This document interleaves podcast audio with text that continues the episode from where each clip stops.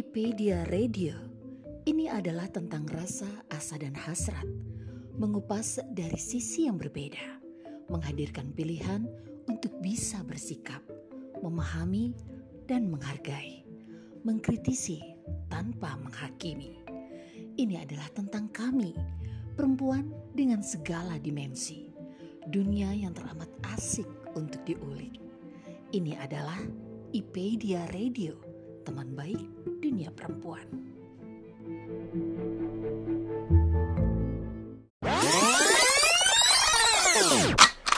Waduh, pertanyaannya ini dalam banget. Ya terakhir itu pas pas dia pasang ventilator nih itu terakhir. Kalau saya sih suka nulis itu sebenarnya sejak kecil. Uh, saya mau order buat ulang tahun uh, ibunda Bapak Jokowi Februari yang kemarin itu. Itu juga yang dibilang sama ibuku. Hanya orang-orang terpilih yang bisa menjadi suami MS. Serius masih di Rusia berarti tas-tas itu? Iya, betul. Kok Bu Mauri nekat-nekatnya sih bikin komunitas? Mereka berbagi tentang dirinya, tentang dunianya. Perempuan-perempuan keren yang penuh inspirasi.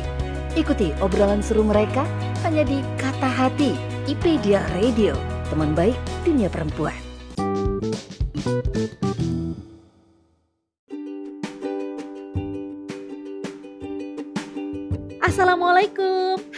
Hai teman baik Radio di mana pun berada Rizda hadir kembali di Kata Hati IPedia Radio. Di episode kali ini aku masih akan membahas seputar industri suara Kenapa? Karena seperti teman baik ketahui bisnis industri suara ini semakin diminati dan semakin booming Bahkan industri ini akan terus meningkat permintaannya di masa depan nanti Wah cukup menjanjikan ya Tapi ada satu pertanyaan besar muncul nih di hati aku. Wah, sebagai ibu rumah tangga tanpa asisten rumah tangga seperti aku ini, apa bisa menekuni profesi voice over ini berawal dari rumah? Nah, siapa nih teman baik yang sama penasarannya dan bertanya-tanya juga nih kayak aku? Langsung aja ya dengerin obrolan aku bareng narasumber hari ini Kak Utami Sundari yang biasa disapa dengan Kak Erik. Selamat mendengarkan.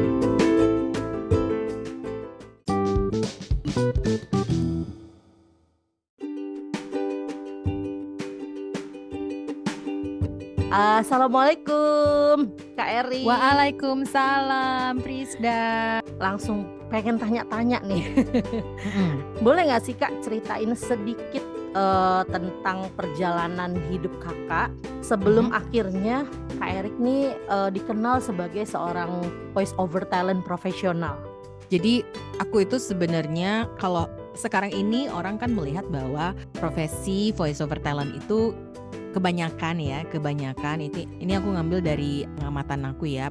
Kebanyakan adalah orang-orang yang bergerak di bidang broadcasting ya, seperti hmm uh, penyiar radio, kemudian MC dan lain sebagainya. Akan tetapi ada juga voice over talent yang memang berangkat dari background yang bergelut dengan dunia sastra, misalnya teater seperti itu. Nah, aku adalah salah satu orang yang berangkat dari dunia teater gitu. Jadi karena dari SMP itu, SMP, SMA dan awal-awal kuliah itu aku sangat dekat sekali dengan dunia teater. Ya, secara intensif sih selama waktu di SMP. Jadi benar-benar kita olah vokal sama seperti kalau kita mau latihan voice over talent.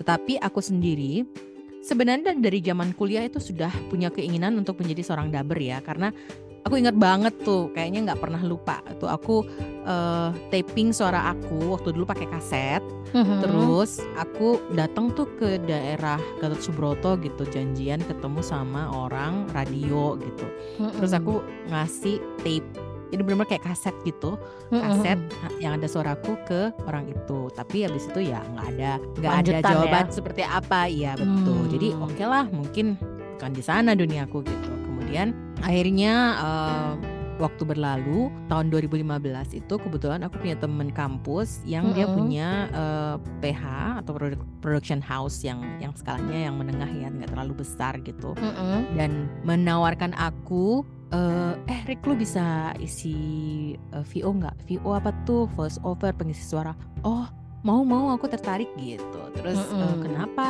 eh, dengan pengisi suara sebelumnya? gitu. Terus oh ternyata lagi berhalangan lu bisa kan gitu. Eh coba ya coba ya. Ya udah akhirnya aku kalau waktu itu nggak punya alat aku datang ke rumahnya untuk mengisi voice over talent. Dan itu adalah pekerjaanku sebagai so- seorang voice over talent. Itu waktu itu cuma di direct langsung aja sama dia on the spot. Eh, pokoknya inget banget waktu itu dia bilang pokoknya lu eh, baca dengan jelas jangan lupa smiling voice. Dia memperagakan smiling voice itu seperti apa. Terus kasih intonasi sedikit agar dinamis. Ya udah akhirnya waktu itu kalau nggak salah eh, recordingnya sampai 4 jam deh. Pokoknya dengan peralatan yang dia punya. Dan langsung dibayar waktu itu. Jadi Hmm. nggak tahu ya apakah itu officially aku dianggap sebagai voice over profesional mungkin mungkin belum ya. Tapi itu adalah pekerjaan aku pertama kali jadi voice over dan sejak saat itu sampai sekarang aku masih in house dengan temanku. Jadi kalau untuk kebutuhan voice over aku yang pegang gitu. April 2021 itu kayak start over bener-bener fokus di dunia voice over karena waktu tahun 2015 sampai 2020 itu aku masih kayak ya kalau ada job oke kalau nggak ada nggak apa-apa. Jadi kayak masih sampingan. Tapi April 2021 itu aku mulai fokus 100% aku mengerjakan terjun langsung gitu bener-bener eh, segala sesuatunya di maintain dan di manage agar aku bisa masuk ke dunia industri ini. Begitu kira-kira. Wah jadi ternyata eh, dapat kerjaan dulu nggak sengaja nyemplung gitu ya. Kalau kalau aku pribadi ya kita nyari tahu dulu nih nyari tahu dulu dunianya Mm-mm, seperti apa, ilmunya bagaimana gitu kan lewat Mm-mm. kelas-kelas yang ada. Baru saat ini cari pekerjaannya. Tapi kalau kakak justru kebalik ya, justru malah kerja dulu atau memang mungkin sebelumnya iya pernah didengar gitu suaranya soalnya oleh temennya jadi langsung dipercaya. Hmm, kalau dari temanku ini mungkin karena dia tahu ya aku tuh aktif dalam dunia teater ya. Kemudian untuk kuliah itu aktif di dunia puisi ya karena beberapa kali aku ikut lomba membaca puisi. Tentunya eh, dasar-dasar baca puisi itu juga nggak jauh dari kita belajar dasar-dasar voice over gitu ya seperti artikulasi, intonasi, eh, apa yang ditekankan, eh, latihan vokal, diafragma itu benar-benar sama banget gitu kalau misalnya kita mau mengeksekusi bagaimana cara membaca puisi yang baik dan benar gitu. Jadi Hmm. mungkin karena dia tahu bahwa oh ini si Erik tuh suka banget sama dunia-dunia sastra, mungkin bisa kali ya gitu. Jadi secara tidak langsung ini kayak the power of orang dalam juga ya karena secara tidak langsung aku udah langsung dicemplungin untuk eh, bisa tahu mengenal dunia voice over ini. Voice gitu. Iya, teman yang tahu banget karakter Kak Erik gitu kali ya. Dan Benar, wah kayaknya benar, Kak Erik bisa nih gitu ya uh, benar. untuk menjadi seorang VO dicoba dan ternyata masya Allah, Alhamdulillah ya. alhamdulillah. Aku beruntung banget bisa kenal Kak Erik juga dan Ini sama dong, sama Sempat- dong. Aku juga senang kenal dirimu. sempat dimentorin juga kan sama Kak Erik. Aduh, Oh, belajar lah belajar. Aku Ya. mah masih belum mentor. Belajar sharing-sharing aja. Betul. Tapi udah ah udah kece banget deh. Terus Kak, eh, Ya. jadi ternyata background Kakak itu dari teater dan pembaca puisi ternyata ya. Ya, benar-benar. Mm-mm, eh, itu yang jadi modal awal untuk Mhm. kakak terjun di voice over. Terus kak, aku pernah lihat beberapa foto kakak yang ada di negara Eropa ya kalau nggak salah ya. Tapi aku lupa Mm-mm. tempatnya di mana. Itu berhubungan dengan voice juga kak atau teater? Oke, jadi ini ada fun fact ya. Eh, fun fact-nya waktu itu, jadi pokoknya pengen banget keluar negeri gitu kan. Keinginan itu tuh kuat banget ya dari apalagi ketika aku kuliah gitu kan. Aku kuliah di UI di sastra Jerman ya. Pasti setiap hari yang kita pelajari itu adalah keindahan eh, apa namanya negara Eropa dan segala macam. Nah akhirnya suatu saat ada pengumuman lomba baca puisi eh, dalam bahasa Italia yang diselenggarakan oleh Istituto Italiano di Cultura Jakarta. Jadi Wow. semacam kayak kayak Erasmus Hus-nya ya, Itali atau kayak Mm-mm. Goethe-nya Jerman gitu. Mm-mm. Dan itu hadiahnya benar-benar sangat menggoda banget. Jadi juara pertama itu eh, mendapatkan trip ke Italia selama sebulan. Masya Terus juara Allah. keduanya itu mendapatkan kursus gratis di berapa bulan gitu di Istituto Italiano. Juara tiganya juga kursus gratis. Nah aku tuh kayak oh maybe inilah jalanku gitu.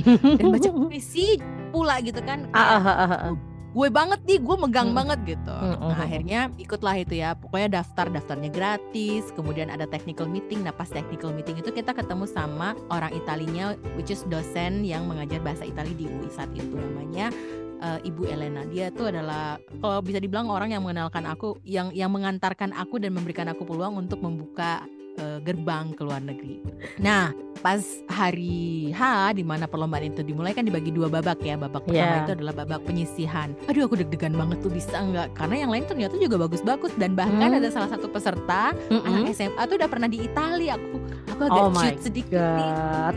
Nggak Insecure ya langsung gue? gitu ya. Oh, oh, ternyata ketemu sama penantang yang bener-bener a worthy opponent gitu Iya iya. akhirnya aku tetap aduh semangat semangat bisa gitu Nah, pas hari pertama babak penyisihan ternyata aku masuk dalam lima besar, artinya bisa maju ke final.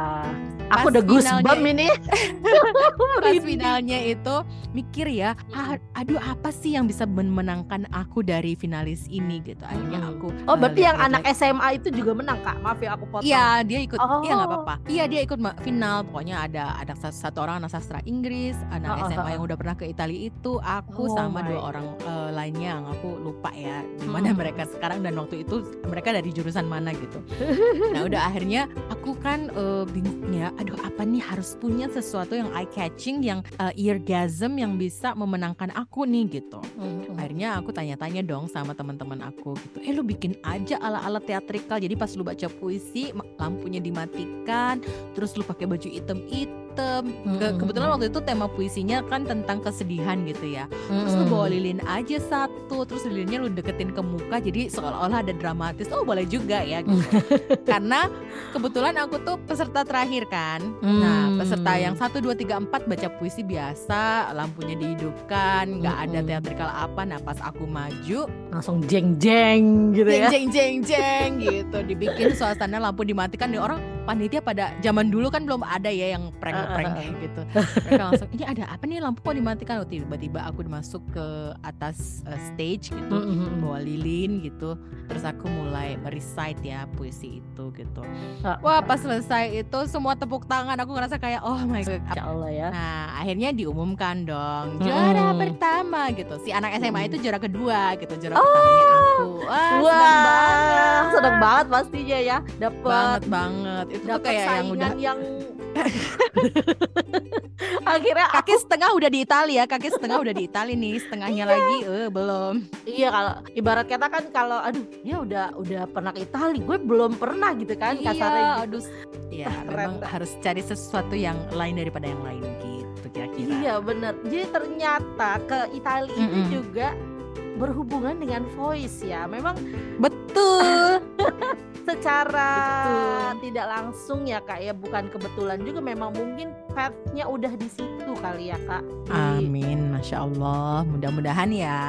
Iya, ya nggak Itu sih, jalan Gitu kan? Allah yang Iya bener Ya nggak sih kan dari kakak udah mengenal teater Terus Mm-mm. eh, pengen banget keluar negeri gitu Siapa sih orang yang nggak mau keluar pengen negeri gitu banget. ya Pengen Iya. banget keluar negeri Tapi jalannya juga lewat suara gitu kan Betul. Lewat suara dengan teatrikalnya gitu Dan sekarang pun juga menjadi seorang uh, voice over talent profesional Aku sempat lihat story kakak lagi recording sama bule juga kalau nggak salah Oh iya iya iya. Hmm, hmm. Itu project luar negeri atau project Indonesia? Oke, kalau proyeknya itu aku nggak bisa nyebutin ya karena Ah, ah, ah. konfidensial. Tapi secara garis besar itu eh, adalah eh, dubbing film untuk film Jerman gitu. Jadi Oh. Lucu ya, lucu. Oh, Dia oh, nyari oh. talentnya orang Indonesia yang bisa bahasa Jerman. Akhirnya aku ikut casting gitu. Terus eh, apa namanya? Kebetulan waktu itu tandemnya jadi pemeran laki-lakinya itu memang boleh asli karena mereka nggak nemu orang Indonesia yang Bisa. cowok yang yang bisa bahasa Jerman. Oke, oke kita balik lagi ke vo- voice over ya kak ya. Aku kan sempat ikut uh, Mhm. kelas sharing kakak, tuh kakak juga pernah bilang kalau kakak ini sebenarnya memulai voice over itu dari rumah gitu. Mm-mm, mm-mm. Sebenarnya mungkin nggak sih kalau kita tuh memulai profesi voice over talent ini dari rumah atau memang kita harus mulainya itu emang harus dari studio gitu untuk dapat klien, dapat pekerjaan gitu. Apa bagaimana menurut Kak Erik? Kalau menurut aku sih sebenarnya eh, mengerjakan suatu project sebuah project voice over mau di rumah mau di studio tuh sama-sama baik da- dan yang pasti punya nilai plus minus ya. Ya. Kalau di rumah mungkin kita lebih kayak uh, pressure-nya nggak terlalu kelihatan ya karena yang ngedirect ya kita sendiri berdasarkan brief yang diberikan oleh klien. Jadi kita punya keleluasaan gitu. Mau kita ngomong jelek kayak apa, mau kita bergerak kayak apa itu memang benar-benar senyamannya kita. Tetapi di sisi lain pasti akan eh, ini ya, maksudnya akan ada resiko bahwa akan ada revisi berkali-kali gitu ya eh, dari klien karena mungkin tidak sesuai atau misalnya kurang dikit lagi dan lain-lain. Sedangkan kalau kita take di studio itu kalau boleh aku bicara dari minusnya ya memang kita harus travel ya. Misalnya kalau aku tinggal di Bogor ya aku harus travel ke daerah Jakarta Selatan yang di mana banyak ada studio-studio uh, apa audio post gitu ya. Itu satu pasti akan cost di waktu, di di logistik ya dan untuk transportasi gitu ya. Nah, tapi di sisi lain plusnya adalah ya kita mendapatkan hasil uh, audio yang baik. Tapi bukan berarti kita take di rumah itu tidak baik gitu. Maksudnya kualitasnya mungkin dua kali lebih baik. Karena di rumah itu pun juga sebenarnya baik, tapi kalau di studio mungkin lebih baik lagi gitu kan.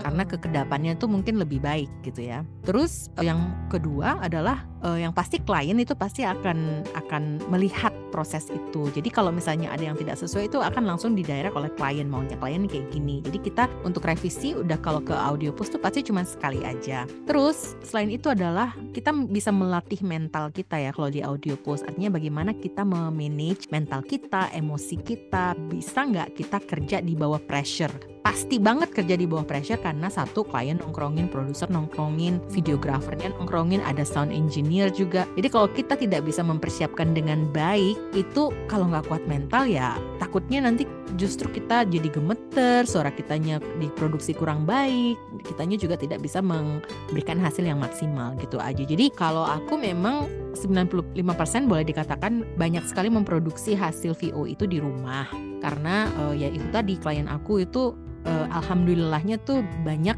yang eh, berasal dari luar kota dan mereka memberikan job kepada aku itu tidak melalui audio post artinya mereka langsung tangan kedua gitu. Jadi dari eh, sutradara atau videografer langsung ke aku kalau di audio post kan dari agensi kreatif Iya. dulu ya nanti Mhm. agensi kreatif lempar untuk post product production itu ke audio post nanti ke audio post baru akan mengcasting talent-talent yang cocok untuk iklan tersebut begitu Oke baik. Jadi bisa banget ya kak eh, buat kita nih sebagai pemula yang kepengen juga nih serius eh, menekuni profesi voice over talent, tapi dimulai dari rumah. Oh bisa banget, bisa banget. Karena kan kalau kalau aku mengulang kata-kata dari salah satu mentor aku ya, Kak Michael Mhm. Runtuwen itu adalah sekarang kan zaman sudah berubah ya.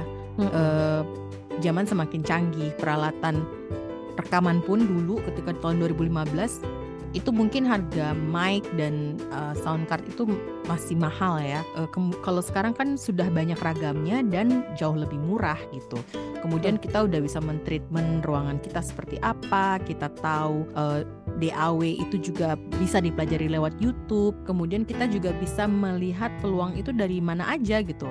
Bahkan aku sendiri tidak hanya ber- mendapatkan apa ya orderan manual istilahnya dari dari videografer atau dari em, apa namanya klien-klien yang yang tidak tidak lewat audio post, tapi juga aku bisa mendapatkan job itu dari platform em, digital ya seperti misalnya Fiverr atau Upwork atau dari LinkedIn gitu. Jadi eh, lebih leluasa aja gitu. Hmm. Jadi dan bisa banget ya kalau menurut aku eh, apalagi eh, aku sebagai ibu rumah tangga yang anaknya tiga Nah. dan aku nggak punya pembantu itu menurut aku jadi suatu advantages karena aku bisa apa namanya menjadwalkan apa yang aku, aku harus lakukan dengan fleksibel. Misalnya kayak sekarang nih Mm-mm. kan ntar aku ke studio gitu ya terus Hmm. uh, tapi ada uh, undangan untuk wawancara. Dan di sisi lain aku harus antar jemput anakku antarin dia beli buku gitu. Jadi aku bisa mengatur jadwal itu sefleksibel mungkin bahwa aku bisa loh ini nih yang didahulukan ini ini nih yang didahulukan itu kayak gitu. Jadi uh, menurut aku lebih leluasa aja gitu. Jadi siapa pun bisa siapa pun bisa. Yang penting pondasi utamanya ya itu melatih suara kita tahu skill-skill untuk menjadi seorang voice over talent seperti apa. Baru abis itu kita beli alat terus baru kita mulai promosi branding mendapatkan klien. Nah dari sana mungkin sudah bisa di manage bagaimana mendapatkan uangnya begitu Hmm, baru mau aku tanya tuh kak tahap-tahapnya. Oke oke ya udah oke. udah dijelasin tadi ya sama Kak Erik. Jadi uh, buat kita nih yang ibu-ibu sana tadi kan Kak Erik juga Kak Erik juga ternyata seorang ibu rumah tangga dengan tiga anak yang Mm-mm. masih usia sekolah ya Kak ya. Ini masih kecil-kecil. Nah itu jadi buat, buat teman baik di luar sana yang sedang mendengarkan juga mungkin banget kok memulai profesi sebagai voice over talent dengan anak-anak masih kecil tanpa asisten rumah tangga kenapa enggak gitu ya Kak ya. Iya. Tapi kan ini juga lagi nemenin aku nih wawancara di samping aku satu orang. Halo. Halo, ini abang, kakak, adik. Adek yang paling kecil. Oh, yang Namanya paling siapa? kecil. Namanya siapa? Namanya Nama saya Andra. Ya dia suka. Jadi awal-awalnya aku VO itu kan anak-anak belum ngerti ya apa itu Mm-mm. VO. Terus nggak familiar sama alat-alatnya dan bahkan mereka tuh kayak antusias banget ngelihat mic gitu. Dikira Iya. itu kayak kayak di acara kondangan nyanyi-nyanyi gitu loh. Iya Jadi benar mereka setiap hari nongkrongin pingin megang mic sedangkan aku tuh kan benar-benar protektif banget gitu. Jadi kalau Iya, misalnya iya. alatku jatuh tuh aku nggak bisa kerja kan. Iya. Nah, tapi betul. lambat laun karena sering melihat ibunya mungkin eh, bekerja gitu, terus lambat laun dikasih tahu bahwa "E, ibu lagi take VO ya, gitu, tidak boleh Nah. ribut, harus keluar ru- ruangan sebentar eh, supaya nanti ibu bisa kerja. Nanti kalau kerja nanti dikasih uang, nanti kalau dikasih uang bisa beli mainan. Nah, terus aja di, di, di dogma kayak gitu lama-lama Mm, mm, mereka tahu. Jadi ketika aku ngomong "Ah, ibu hari ini mau take VO nggak boleh ribut ya. Nah mereka sudah tahu posisinya mesti ngapain gitu. Mm-mm. Ya betul. Pokoknya semua tuh bisa dikondisikan gitu ya kak ya. Jadi Betul, tahap bisa banget. jadi tahap-tahapnya untuk kita memulai itu adalah kenali dulu eh, dunia suara ini seperti apa. Lalu kita perdalam ilmunya lewat kelas-kelas. Tapi tapi gitu, sebenarnya atau sorry, nih? tapi sorry, Hmm. eh, yang sebenarnya yang utama adalah tujuan ya. Mm-mm. Maksudnya kalau misalnya eh, orang kan banyak oh orang tuh sekarang lebih berpikir seperti ini punya mentalitas ini menurut aku ya. Tapi Mhm. mohon maaf kalau misalnya aku salah. Eh, punya mentalitas FOMO ya, fear of missing out gitu. Jadi Hmm, ikut-ikutan gitu ya. Iya, nggak mau ketinggalan apa yang lagi. Sekarang kan voice over talent tuh kan eh, lagi bermunculan di mana-mana gitu. Jadi betul, betul. suatu pekerjaan yang mengasyikkan ya. Kita ngobrol-ngobrol gitu, em, meniru suara-suara dan eh bisa juga dapat uang. Tapi tujuan kita harus punya fondasi yang kuat ya. Tujuannya apa? Karena kalau cuman ikut-ikutan aja itu itu cuman sebentar. Habis itu nanti apa yang lagi tren itu yang diikutin. Jadi menurut aku tujuannya apa dulu? Kalau aku tujuannya jelas ya dari awal gitu bahwa aku ingin eh, menjadi ibu rumah tangga yang punya penghasilan dan aku menargetkan dalam sebulan itu aku harus dapat berapa. Misalnya kalau dulu awal-awal aku pokoknya harus bisa dapat 5 juta deh gitu Mm-mm. em, di atas UMR supaya aku bisa kalau mau belanja mau mau ini mau itu itu aku nggak nggak mesti minta uang ke suami. Jadi aku bisa pakai uangku sendiri gitu kan ya. Nah tujuanku itu. Nah Hmm. ketika ternyata apa bisnis ya kita katakan di dunia voice over ini yang aku hadapi ternyata baik trennya gitu maksudnya dinamis sekali dan progresnya naik tujuan itu berubah gitu. Yang tadinya hanya ingin dapat penghasilan 5 juta sebulan untuk seorang ibu rumah tangga di rumah, aku naikkan lagi tujuannya. Oh, tujuanku adalah aku bisa bayar hutang gitu. Jadi tadinya aku dapat 5 juta sebulan terus naik kan 20 juta, terus naik dari 15 juta gitu. Aku mulai berkalkulasi bahwa oh kalau gua bisa tetap dapat nilai yang stabil kayak gini atau bahkan bisa lebih dalam setahun itu aku bisa loh bayar cicilan aku di bank gitu ya, cicilan Mhm. KPR ya. Misalnya aku bisa ngebom gitu kan ada istilahnya ngebom ya bayar dalam Mm-mm. sejumlah uang yang banyak agar cicilannya berkurang atau agar kita cepat membayar hutang atau riba ini kan gitu kan. Hmm. Nah, akhirnya itu begitu. Jadi motivasinya sekarang justru adalah untuk membayar hutang dan alhamdulillah tahun kemarin itu aku bisa melakukan itu. Jadi menurut aku tujuannya harus jelas dulu mau apa, targetkan benar-benar spesifik mau kayak gimana, baru nanti ketemu itu strateginya gitu. Apa yang harus Oke. dilakukan supaya bisa mendapatkan klien, apa yang harus dilakukan supaya kita bisa dapat pricing yang bagus, apa yang harus dilakukan biar klien itu uh, repeat order gitu. Jadi dan apa yang harus dilakukan ketika kita harus bersaing dengan voice over talent yang lain gitu loh. Tapi kalau aku sih selalu percaya bahwa setiap project itu pasti ada jodohnya. Artinya ya rezeki itu sudah ditentukan oleh Allah ya. Mau Mhm. kita berusaha kayak gimana pun kalau itu bukan rezeki kita kita nggak akan dapet. Tapi aku yakin eh, apa ya demand eh, demand dari voice over ini di masa sekarang itu sangat besar gitu. Eh, misalnya voice over talent tuh ada 10.000 orang. Mm-mm. project itu lebih besar daripada itu dan nggak cuman hanya ada di Jabodetabek. Dia bisa aja dari luar negeri dari dari daerah-daerah eh, apa namanya daerah-daerah kota yang lain gitu ya dari provinsi ini provinsi itu. Jadi jangan jangan terlalu berpikir bahwa oh so- jadi voice over talent itu kita harus lokasinya Jabodetabek gitu supaya bisa ngisi TV sih nggak juga gitu kalau kita bisa ngerjain UMKM misalnya dapat satu juta dari dari satu video UMKM terus kita bisa ngerjain 20 UMKM dalam sebulan itu kan juga suatu nilai yang luar biasa ya untuk seorang ibu rumah tangga dapat 20 juta siapa yang nggak mau coba Betul, gitu. betul. Dan pekerjaan ini kan pekerjaan yang sangat menyenangkan ya. Artinya eh, pekerjaan yang kita cintai kalau aku sih aku passionate banget gitu. Tapi kita juga mendapatkan bayaran kita bisa lakukan di rumah terus kita bisa mendapatkan eh, rezeki dari sana dan kita bisa gunakan untuk eh, memang tujuan-tujuan kita dari awal tujuannya mau ngapain gitu. Kalau tujuan aku sih dari awal masalah eh, ini ya uang gitu. Ah eh, yang yang utama adalah untuk membayar hutang sih sekarang ini dan aku sudah membuktikannya ya. Jadi VO ini eh, aku anggap sebagai sebuah life saving gitu ya. Life saver gitu. Maksudnya dia itu eh, adalah suatu media yang bisa menolong aku dari kehidupanku yang dulunya itu nggak sebagus sekarang gitu. Aduh kalau diceritain zaman dulu kayak gimana sebelum aku menekuni dunia VO tuh sedih banget deh pokoknya. Gitu. Iya iya iya. iya. Hmm, Jadi intinya itu ya kayak kita harus punya strong why mungkin ya istilahnya ya tujuan Iya benar-benar. tujuan kuat kita tuh apa menekuni VO ini terus kita juga harus Mm. punya target. Nah Iya. tadi kakak bilang kan kakak pengen menjadi seorang IRT yang berpenghasilan. Nah ini Mm. ada komunikasi dulu kah sama suami? Karena kan suami itu pasti kan juga dia kepengen memberikan gitu kan, Mhm. memberikan penghasilannya yang dia punya yang terbaik dan pengennya sih istri tuh nggak usah pusing-pusing itu udah percaya aja Mm. gitu. Nah itu gimana tuh kak iya. komunikasinya? Nah kebetulan alhamdulillahnya ya Allah tuh Hmm. maha baik gitu aku punya suami yang kebetulan kita dua-duanya adalah pekerja kreatif gitu jadi jadi dia tahu banget bahwa kita bergerak pada dunia kreatif kalau aku di bidang voice acting ya atau olah vokal nah kalau dia bergerak pada bidang ilustrasi eh, Hmm. menggambar kemudian mendesain gitu ya dan kita itu beberapa kali pernah collab bareng gitu karena kan aku selain Wah. eh, selain apa namanya selain VO aku juga suka nulis ya Eh, Hmm.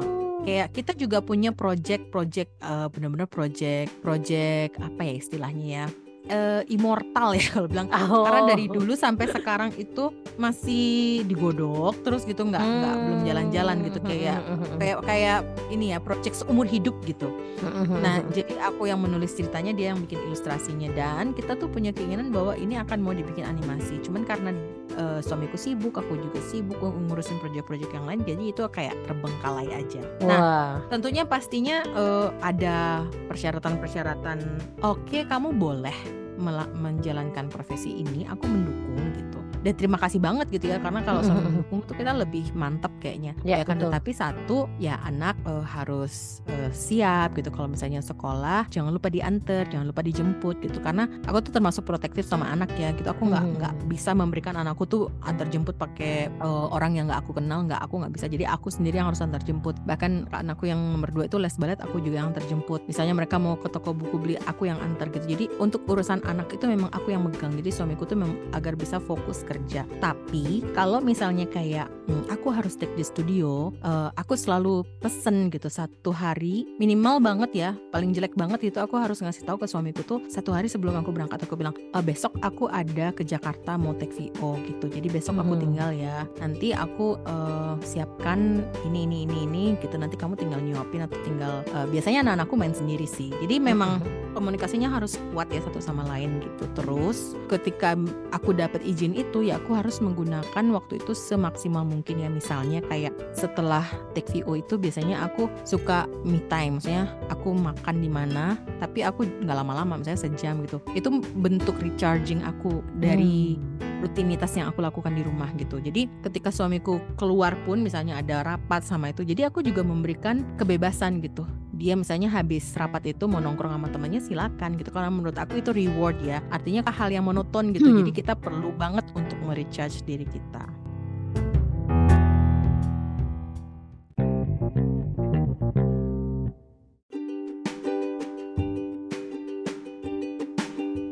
Tadi kan udah cerita panjang lebar ya kak, nggak ternyata waktunya nggak cukup nih.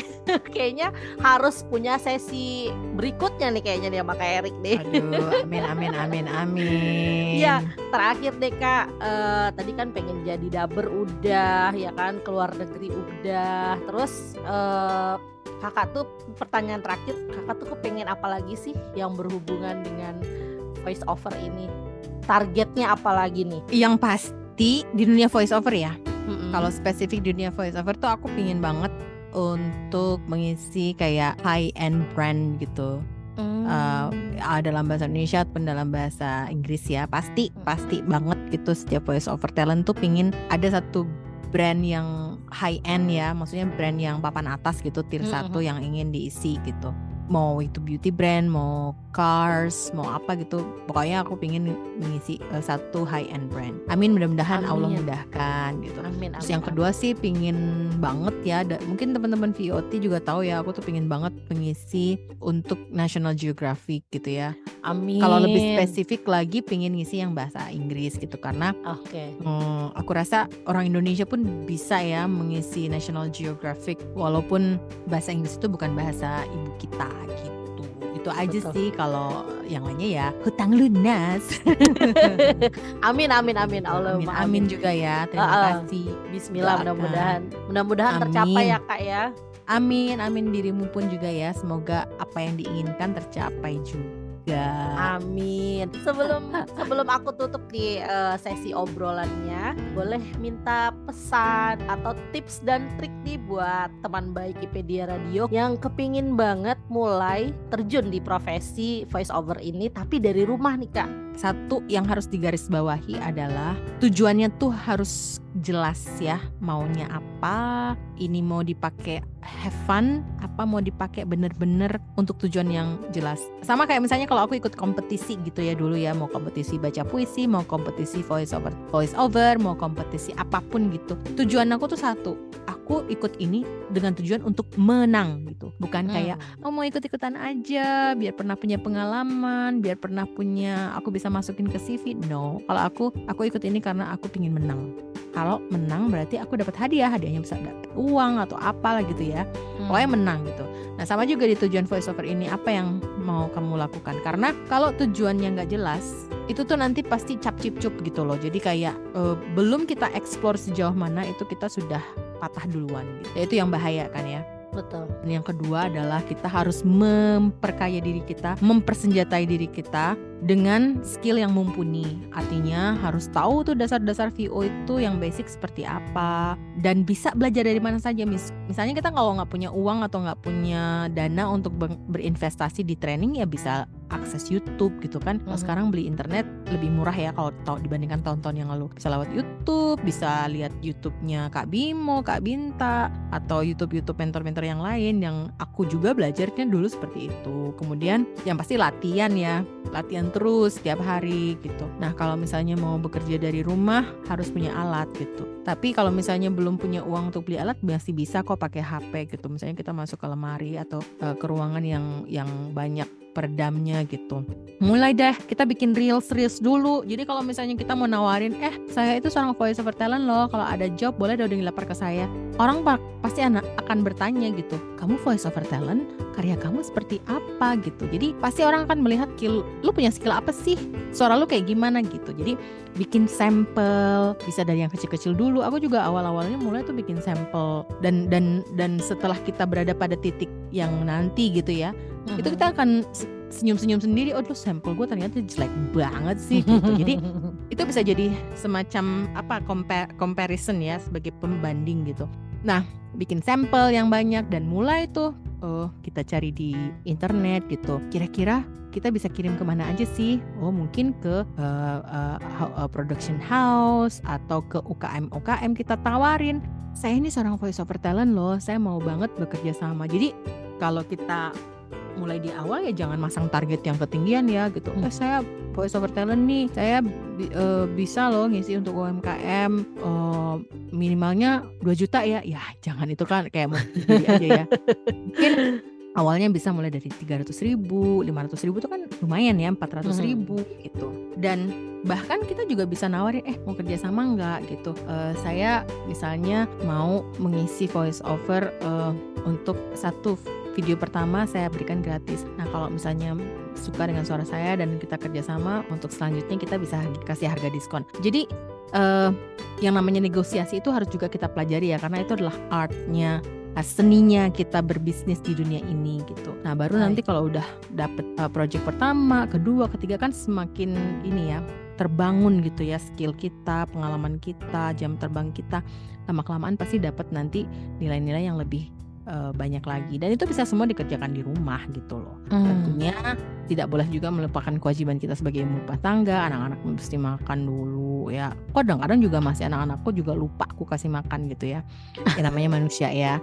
Tapi Ya, tetap ya. tetap tetap harus tahu pijakannya di mana gitu. Dan bisa banget loh ibu-ibu rumah tangga, anak empat, anak lima bisa Mhm. loh menghu- menghidupi keluarganya dari dari dari apa namanya bisnis dunia suara ini voice acting ini bisa Hmm. banget. Wah. Ya maksudnya kalau dapat penghasilan 3 juta sebulan gitu, Hmm. misalnya dari 10 project dapat 300 ribu, tapi kita dapat 3 juta sebulan itu kan lumayan banget ya untuk bisa beli apa gitu ya. Sekarang Mhm. sekarang kan segala sesuatunya serba mahal gitu. Betul, Jadi betul. sekecil apa pun tuh disyukurin, nanti lama kelamaan pasti akan dapat nilai yang lebih banyak lagi gitu.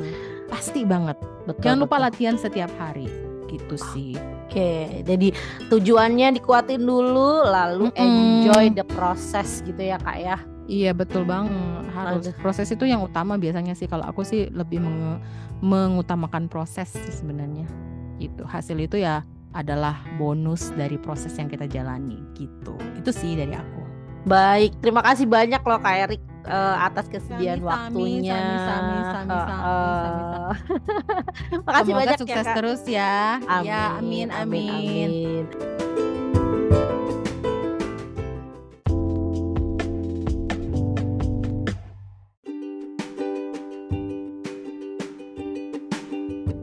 Demikian obrolan seru bersama Kak Erik di Kata Hati episode 94. Prisdayani pamit undur diri. Wassalamualaikum warahmatullahi wabarakatuh. Bye.